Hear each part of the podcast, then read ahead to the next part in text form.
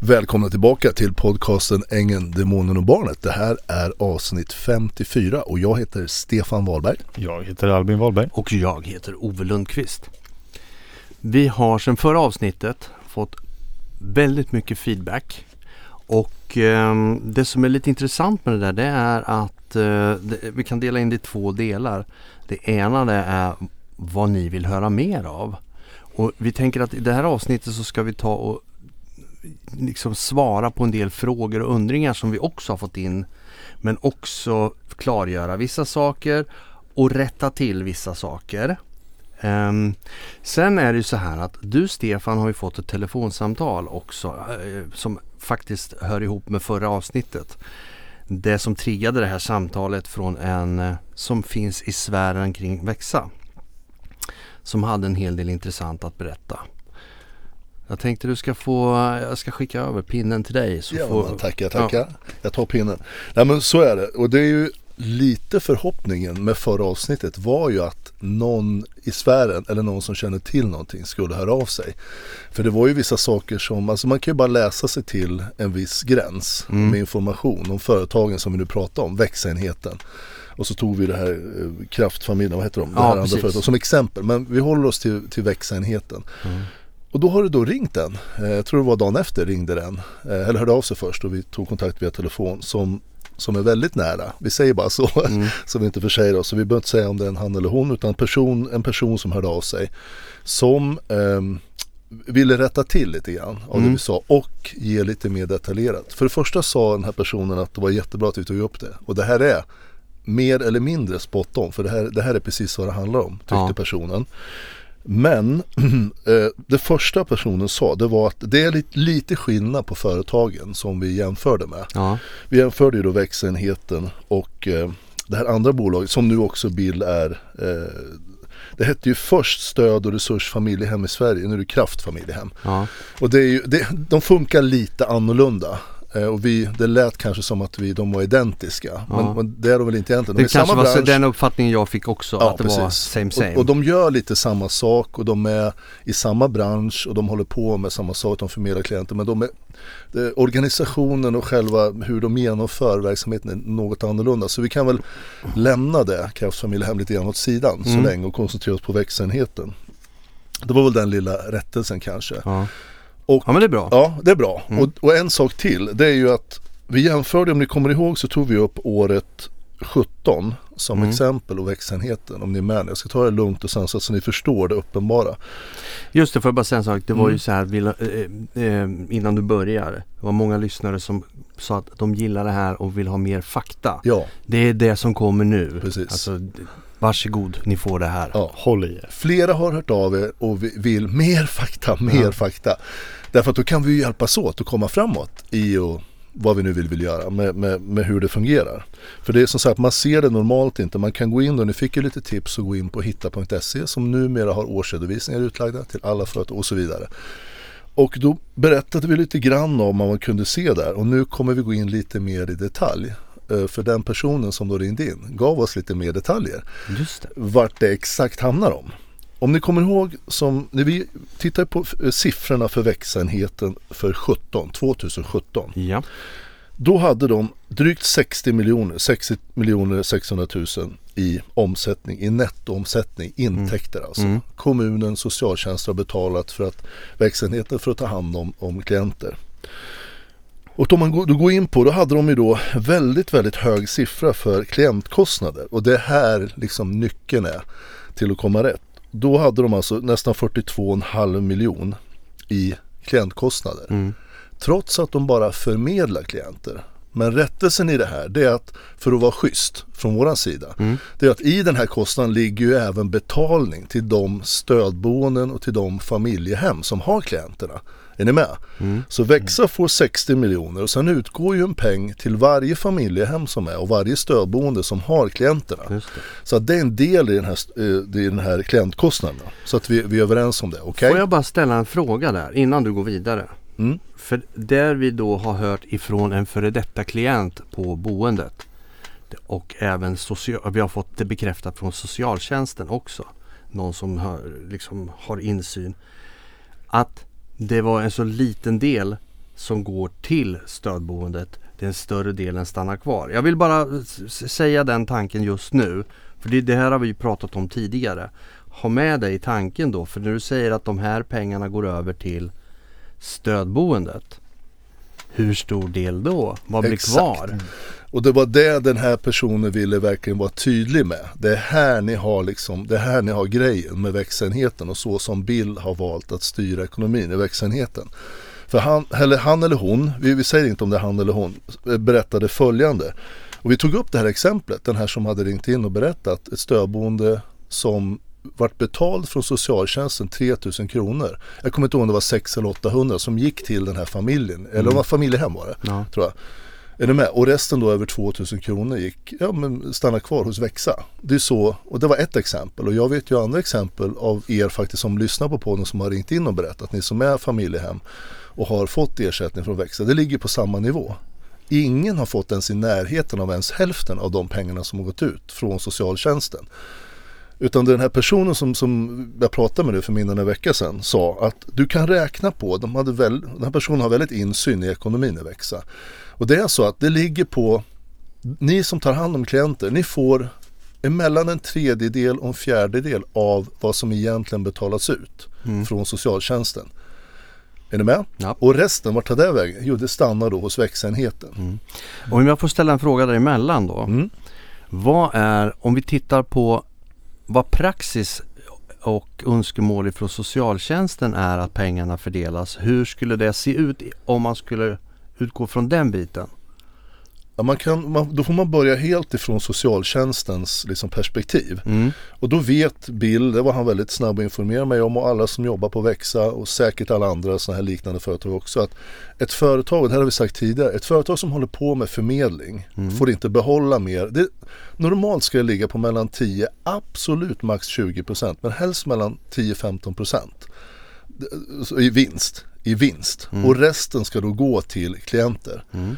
Om du tänker dig då att om, om, om man har som i, som i växenhetens fall eh, att man bara betalar ut en tredjedel eller en fjärdedel. Och som det här exemplet som vi pratade om. De får 3000 för en klient men de betalar bara ut 600-800 till exempel, inte ens 1000 kronor. Inte ens en tredjedel.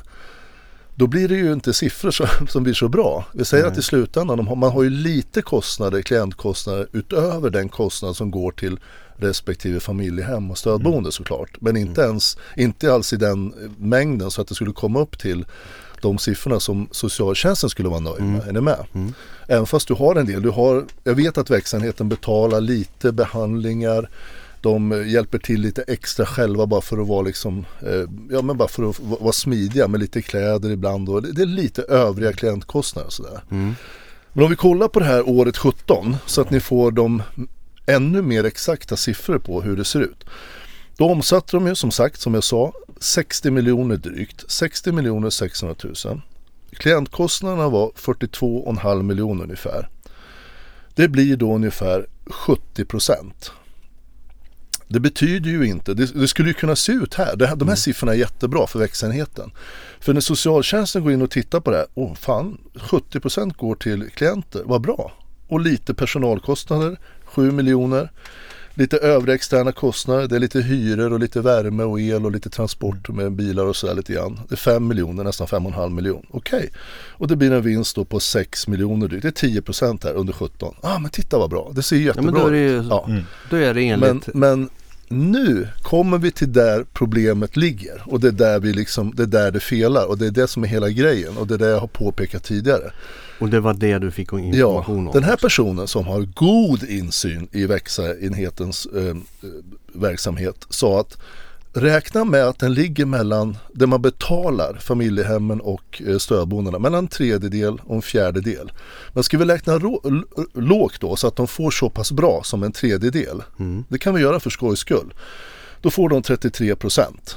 Okej, det är en tredjedel. Det blir då 20 miljoner går ut. Av de här 60 drygt i omsättning så går 20 miljoner ut till, klient, eh, till familjehemmen och till stödboenden. Då har de fått sitt. Och de tar ju 95% av alla omkostnader på klienten. Är ni med? Japp. Så att det blir väldigt lite som behövs skjutas till från växenheten i övrigt i klientkostnader. Och då skulle alltså då skulle det vara 20, 60 eh, miljoner i omsättning och 20 miljoner i klientkostnader. Men vad fan det var ju 42,5 miljoner här. Ja precis. Det felar 22,4 miljoner. Mm. 22 22,4 miljoner som man inte har betalt ut till varken familjehemmen eller till stödboendena. Då kan man säga så här för att vara lite snäll mot Växa. De har ju lite omkostnader. Vi, säger, vi leker med tanken här nu att eh, verksamheten är ju precis som vi har sagt tidigare. Eh, Växa åker och hämtar i bästa fall klienten, lämnar den på stödboendet eller hos familjehemmet. Sen tar familjehemmet och stödboendet hand om klienten. Ja. Och växenheten har väldigt lite omkostnader för klienten för de tar boendet Mm. den är på. Det är ju så. Men om vi säger leker med tanken att, som ibland händer, att växenheten betalar någon slags behandling. Vi säger att behandlingen kostar 700 kronor. En, en behandling för Mm. en terapi. Eh, och varje klient, de har ungefär 100 klienter i snitt. Mm. Är ni med nu? Vi tar det som ett exempel bara. 100 klienter i snitt. Vi säger att varje klient skulle få en behandling i veckan hela tiden året ut. Japp. 52 behandlingar var. Varje klient som är hos Växa, det vet ni, alla klienter som har varit där och alla ni som har boenden och jobbar med Växa, det, det är så mycket får inte klienterna. Men vi säger ändå att de får det. Då skulle det bli 3,6 miljoner. Det är en hyfsad bit kvar upp till eh, 20 22,4 miljoner. Och så lägger vi på det att Växa skulle supergeneröst betala kläder till exempel till alla klienter, alla 100 klienter. 3000 kronor i månaden. Vi leker med tanken bara. Det gör de inte. Det händer ibland att de betalar 1500 till någon precis när klienten är ny och så här, för man ska få lite kläder. Men vi leker med tanken. Då blir det 3,6 miljoner. De två tillsammans blir 7,2. Och nu har jag tagit i. Mm, Det felar fortfarande massor med miljoner och det är precis de här miljonerna vi pratar om nu. Som vi har pratat om, som försvinner på andra sätt. Där Bill, och det vet jag, jag har ju sett det själv. Jag vet, jag har berättat hur han gör. Där han falskfaktureras och betalar ut pengar till människor han köper. Eh, så, som han känner. Eh, och det var det den här personen sa. Ta bort, för er som ska titta på det här, ni som sitter vid, vid någon myndighet och ska titta på det här. Ta bort de här kostnaderna som går till familjehem och till stödboendena. Och sen tittar ni på övriga kostnader. Förutom de ungefär 20 miljoner, det här året 17. Ta det som exempel, gå in och titta på 17. Och så tittar ni på alla andra fakturer över 100 000 som finns. Och, eh, Ni kan ta alla, alla fakturer över 50 000 så ni få se på grejer. Där har ni grejerna, det är där det faktureras jättekonstiga saker. Och det är här man kommer hitta felet och det här är ju bara ett år. Ja. Är ni med? Vi säger att uppskattningsvis så har du Jag vet ju att du har uppskattningsvis i alla fall 10 miljoner här som, som felar. Och det är precis så här de ska titta. Och där har, där har vi liksom den felande länken. För de här klientkostnaderna, de är inte relevanta till verkligheten. Och jag tänkte på det, skillnaden mellan eh, växaenheten och det här kraft som vi pratar på. Jag kommer inte ihåg om jag tog upp det i förra podden eller om det var något vi pratade om i, efteråt. Men affärsmodellen i Växa är ju att Växa tar ansvar för klienten. De fakturerar socialtjänsten, boendena fakturerar Växa. Men i kraft, om jag har förstått det rätt nu, så är det ju hemmen, alltså boendet som fakturerar socialtjänsten och får då hela summan inbetald och förmedlaren fakturerar också hemmet en andel av summan som de får utbetald av socialtjänsten. Då 10%, 20%. Vi, vi, Vad- vad vi vet ju inte att det är så, men, men vi tror att det är så. Därför att det är så att det, det skulle så. se ut. Ja, Ja. Det är därför det blir annorlunda. Mm. Exakt. Och därför så har man heller inga liksom klientkostnader på det sättet som Nej. Växa har. Och här får, Och kan finns då det ju ha en utrymme 60, för ett jag kommer inte ihåg exakt om det var 60% ungefär personalkostnader. Har Ja, för mig att det var i kraft. Ja.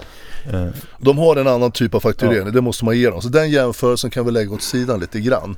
Det var Hade- mer bara för att se att, att eh, och det, det enda det visar den jämförelsen det är att Växa har ju ett väldigt originellt sätt att, att driva sin verksamhet. Om vi tittar tillbaka lite grann vad du har berättat om tidigare så pratar du om att eh, ni respektive hade varsina kort som ni kunde disponera.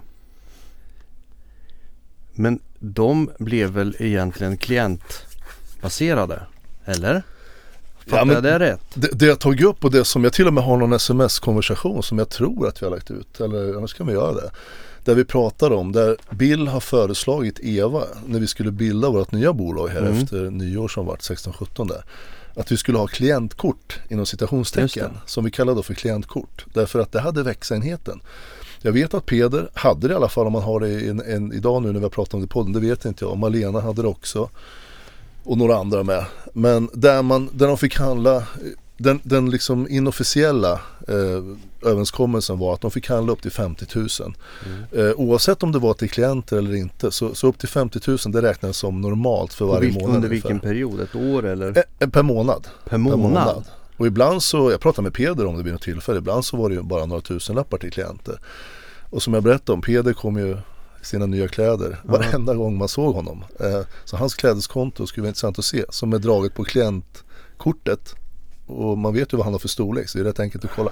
Men hur som helst, det är bara ett exempel. Men alltså det handlade så otroligt mycket som klientkostnader. Alltså det, där, är- det finns ju en kostnad där som är klientkostnad. Mm, exakt. Som har gjort därför med jag tänker klientkort. liksom, ja klientkort. Därför Absolut. tänker jag, existerar de där 17? Ja det gjorde de ju uppenbarligen. Ja, ja, ja för fan.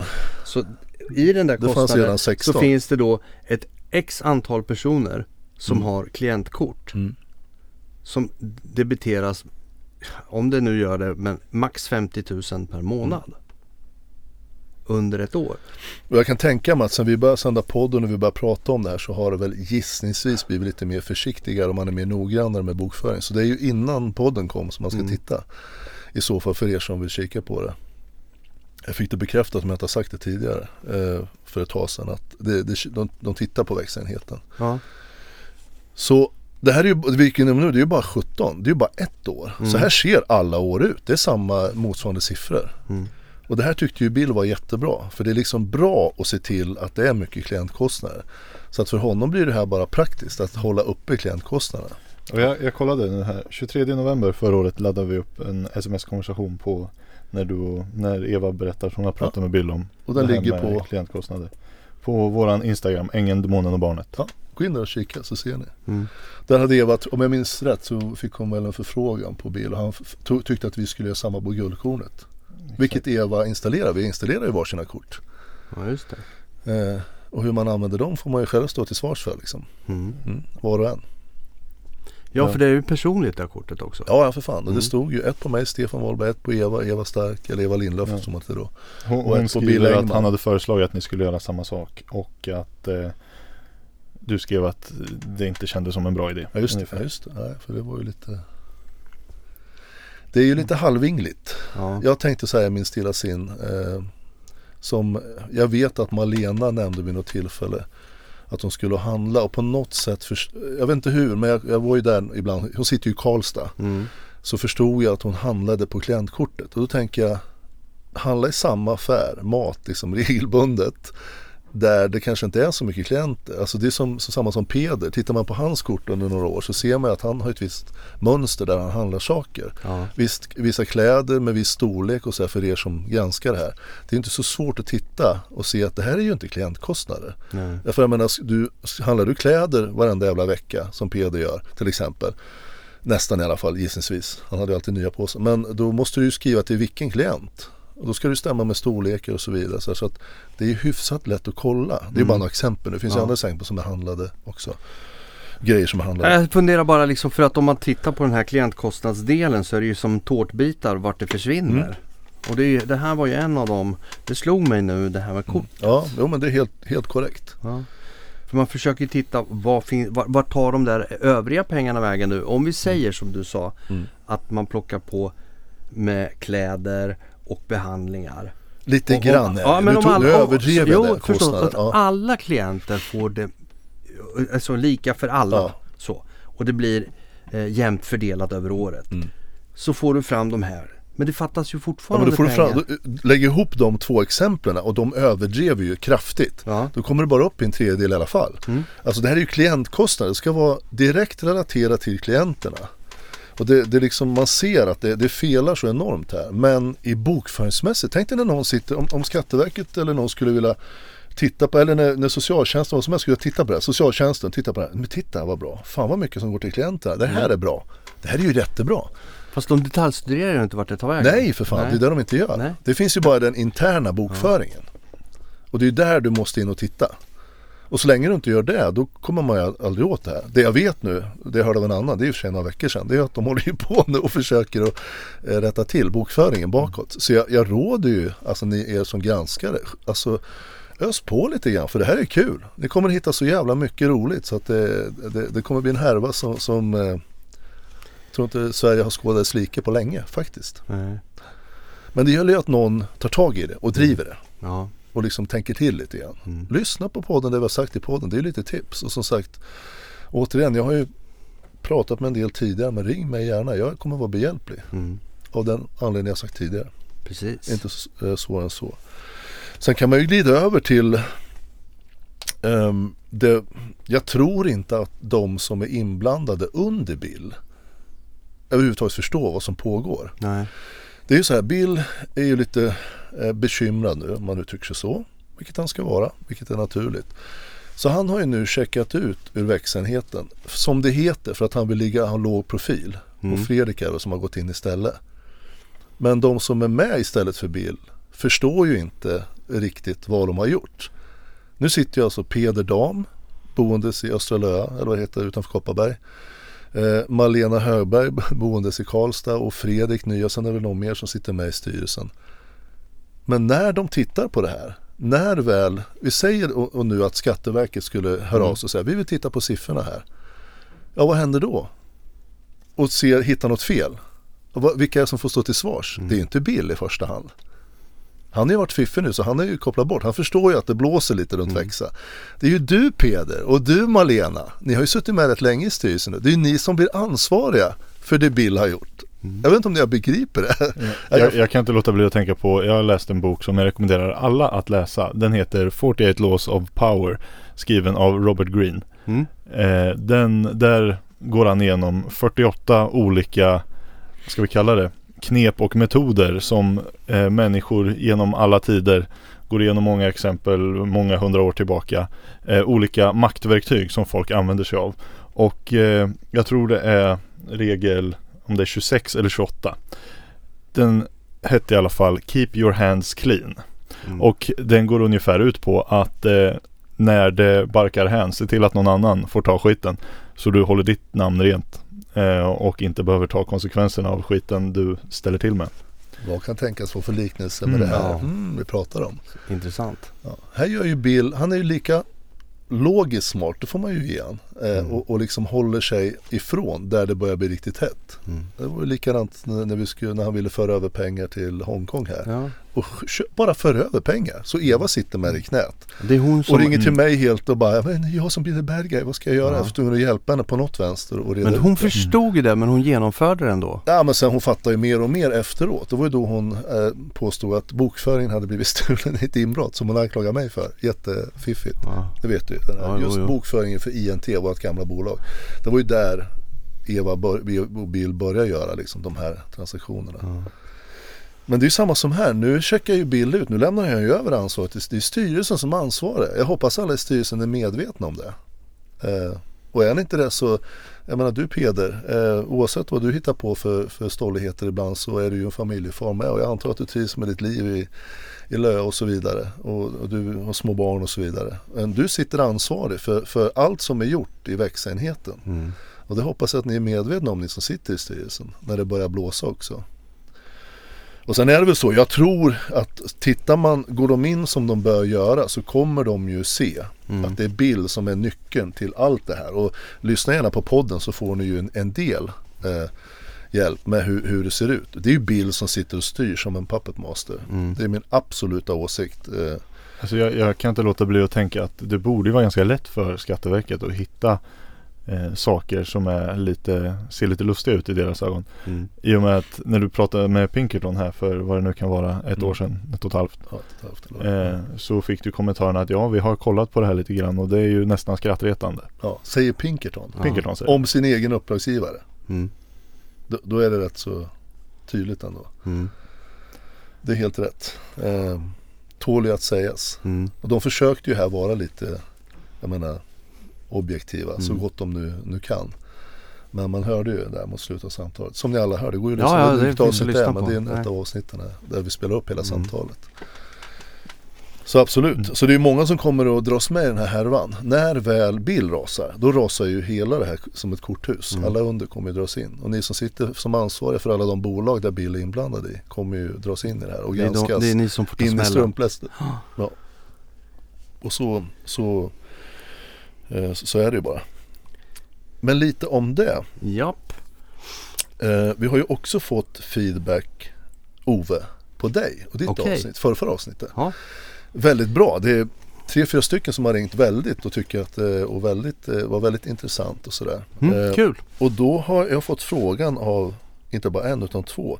Vad, vad, vad, gör, de säger, vad gör du nu? Mm. Har du något skivkontrakt? Vad kommer att hända framöver?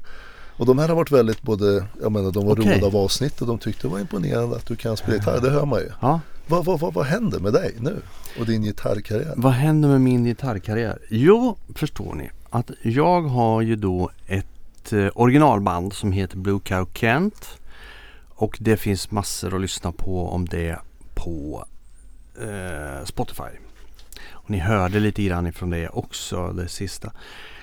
Vi sitter ju i den här sitsen nu att vi har massa material, vi ska spela in allting och tanken är att den skivan ska släppas. Men finns inget datum eller någonting för det här handlar ju om att jag ska få ihop det med min andra karriär eller det jag jobbar med som fotograf.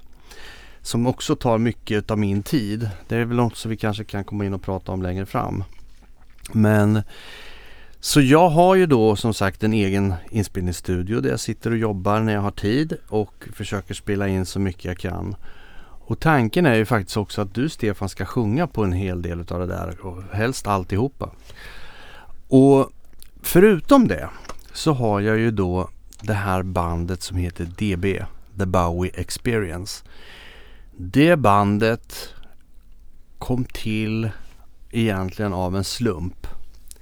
Och sångaren låter som David Bowie.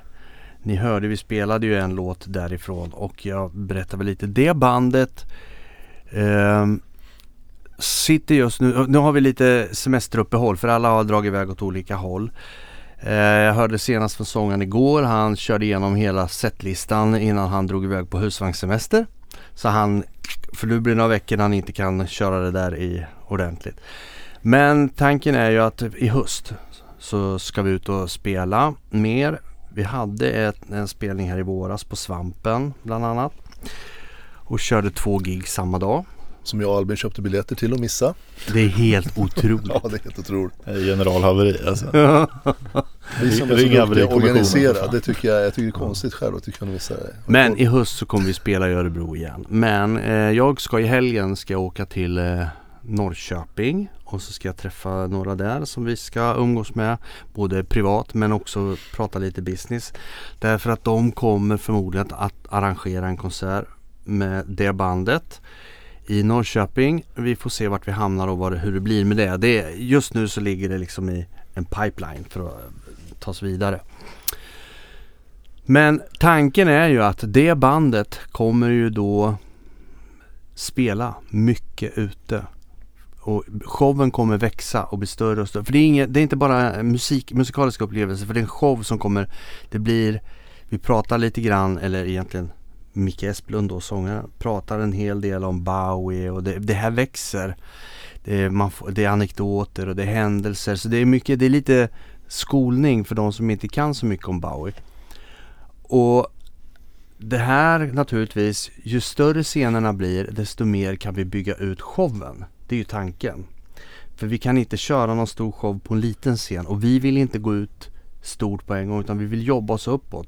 Så att vi liksom växer med rollen. För den responsen som vi har fått på det här bandet, det är oerhört bra.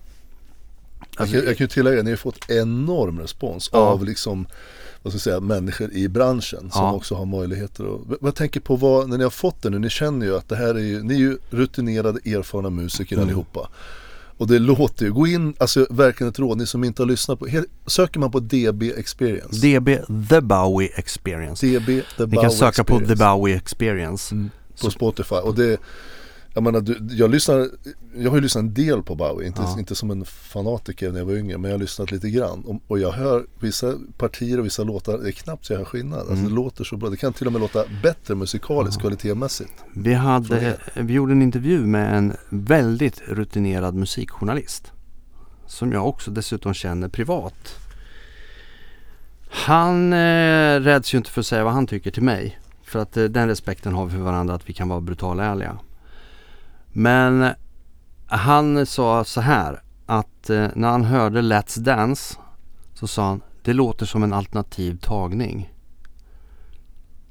På en Bowie. Hyfsat bra det, feedback. alltså, det kan inte bli bättre så. Och han kan sin sak. Han skrev, han liksom överdriver inte Nej. Och det är klart, vi har ju förstått i bandet, det förstod vi redan första repet, att vi har något magiskt här. Det här är något bra på gång. Eh, för att redan första låten så tittar vi på varandra och undrar vad fan hände nu? Och när vi kom till slutet av den repertoaren som vi skulle repa in så spelar vi Life on Mars, det sista vi gjorde. Och den finns också på Spotify som vi har spelat in.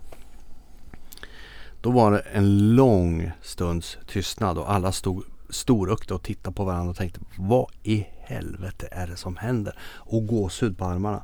När man får det när man framför någonting själv då förstår man att, åh jävlar. Och så För- mycket som ni har spelat, Ja. all den rutin som Ja, tillsammans som ja. ni har. Så det, det var lite häftigt. En fråga, pratar ni redan nu om, jag såg till exempel häromdagen eh, spelar de ett eh, program om Kiss. Mm. Vilken, och det är lite motsvarande, den här liksom de här fansen som är så trogna, de Ja. lever liksom Kiss, allt Ja. för Kiss. Och det har ju Bowie också, ett antal, en, liksom en grupp med människor. Och jag tänker på andra sidan Atlanten, är det något ni liksom pratar om eller tittar på eller? Inte, inte nuläget. För, för oss handlar det just nu om att liksom breda ut oss över Sverige. Mm. Och vad vi vill göra det är ju att gå från scener som är mellan 200 och 500 personer upp till 400 till 1000 och sen så från 1000 upp till 2000.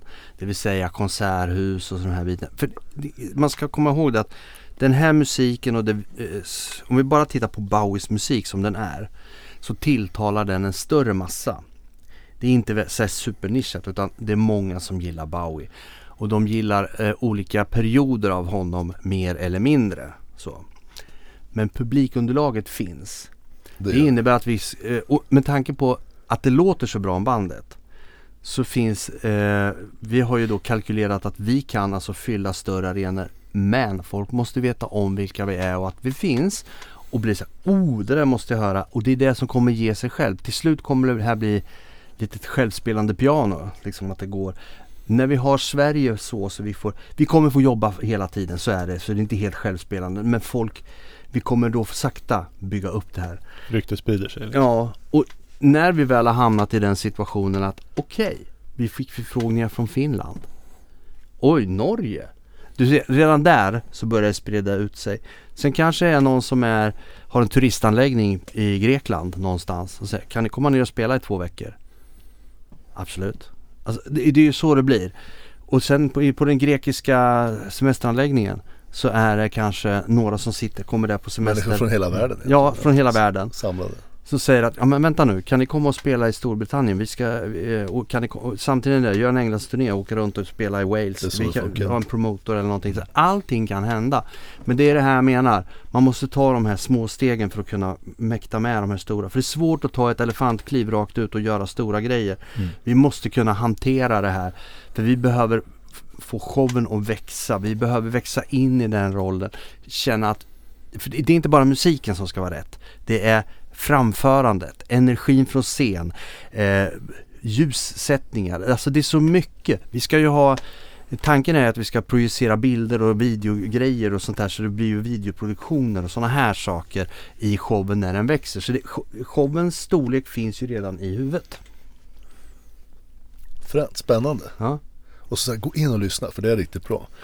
Någon fråga fick vi om, och vi pratade lite om det, vi nuddade vid det innan vi satte igång podden, men det var någon som sa, hur, hur blir man så där bra?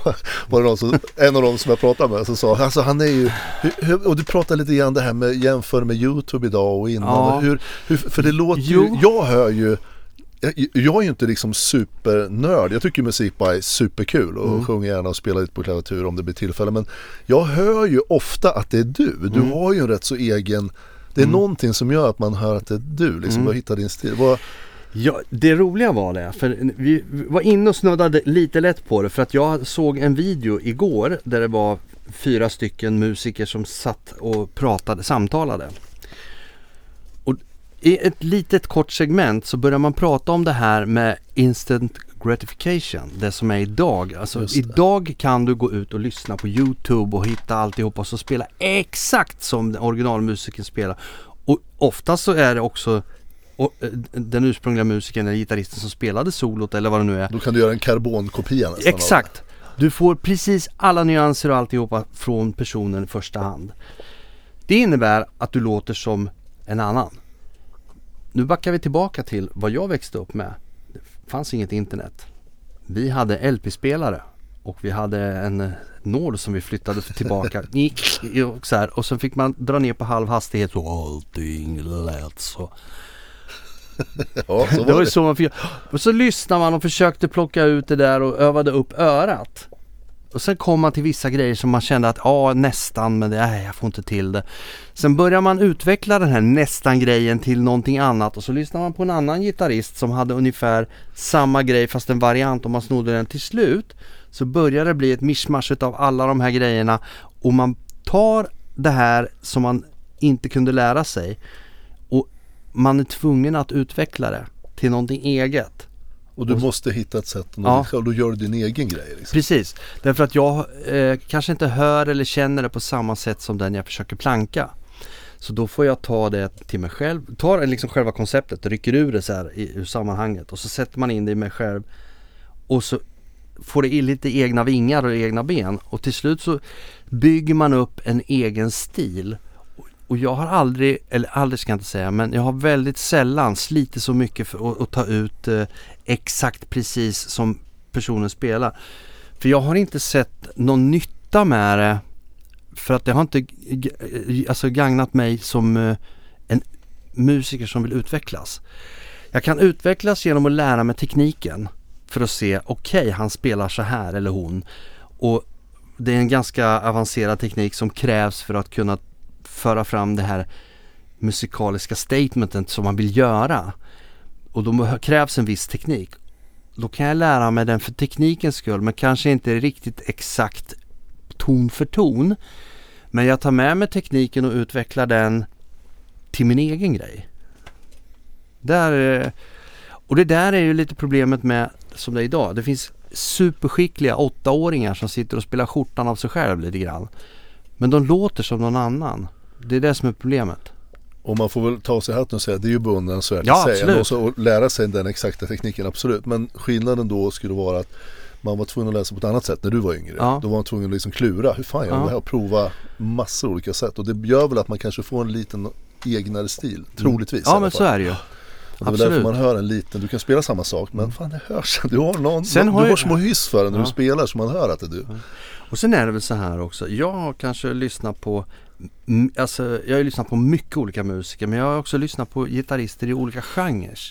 Jag har lyssnat på jazzgitarrister, jag har lyssnat på fusion, jag har lyssnat på eh, alltså, eh, popgitarrister, rockgitarrister, hårdrockgitarrister, rockabillygitarrister, alltihopa.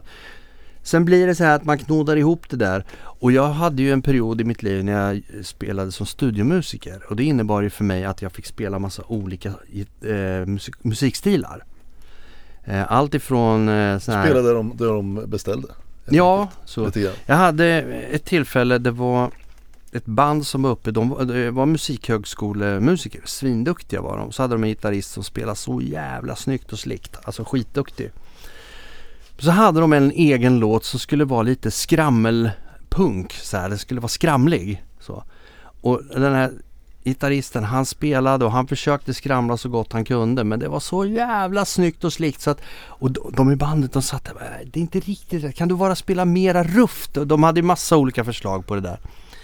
Och jag jobbade, då hade jag också en studio men det var ju som ljudtekniker. Och i och med att jag, jag hade ju lärt mig låten för länge sedan. När jag satt och lyssnade på det här fram och tillbaka. Jag visste precis vad han höll på med. Och sen så till slut så säger jag, nej, jag börjar bli så trött. Jag, säger, jag orkar inte höra det här längre. Kan det bara bli klart någon gång? Kan jag få du? låna gitarren? Jag, jag, jag ska bara så. se om det, är det så här ni menar? Och så spelar jag. Tryck på räck sa de bara direkt. Och så spelade jag in det. Och sen var det bra med det. Och den här andra gitarristen sa, jag kan inte spela sådär. Det, det ligger utanför mitt sätt att uttrycka mig. Jätteskönt att du kunde göra det, men det, det, det finns inte i mig. Så man har lite så här olika med sig, för jag har ju spelat slamrig punk och sånt här också. Intressant. Ja, Man känner ju att det finns mycket att berätta om här. ja, ja, oh ja. Men vi, vi, Sa kommer jag det förra gången, det kan bli, eh, Mm. skulle jag hålla på då blir det långt. vi får ta det bitvis helt enkelt. Ja. Men där har ni ju lite då, lite, lite svar på de frågor som har dykt upp. Och hör gärna av er. Mm. Ni hör av er, det, ni hör av er varje dag. Det är jättekul. Mm. Och fråga gärna frågor vad ni vill veta och sådär så ska vi försöka svara på det som vi gjorde Mm. idag. Fullständigt bombarderade på Messenger, Messenger i alla fall den här veckan. Det var, det var mycket verkligen. där. Ja, Super, super kul. Men grabbar ska vi rappa ihop det ja det tycker jag. Tycker jag väl att gången? Nu är ni rädda om er där ute så hörs Jajamän. om en vecka igen. Ha det gott! Hej då! Hej.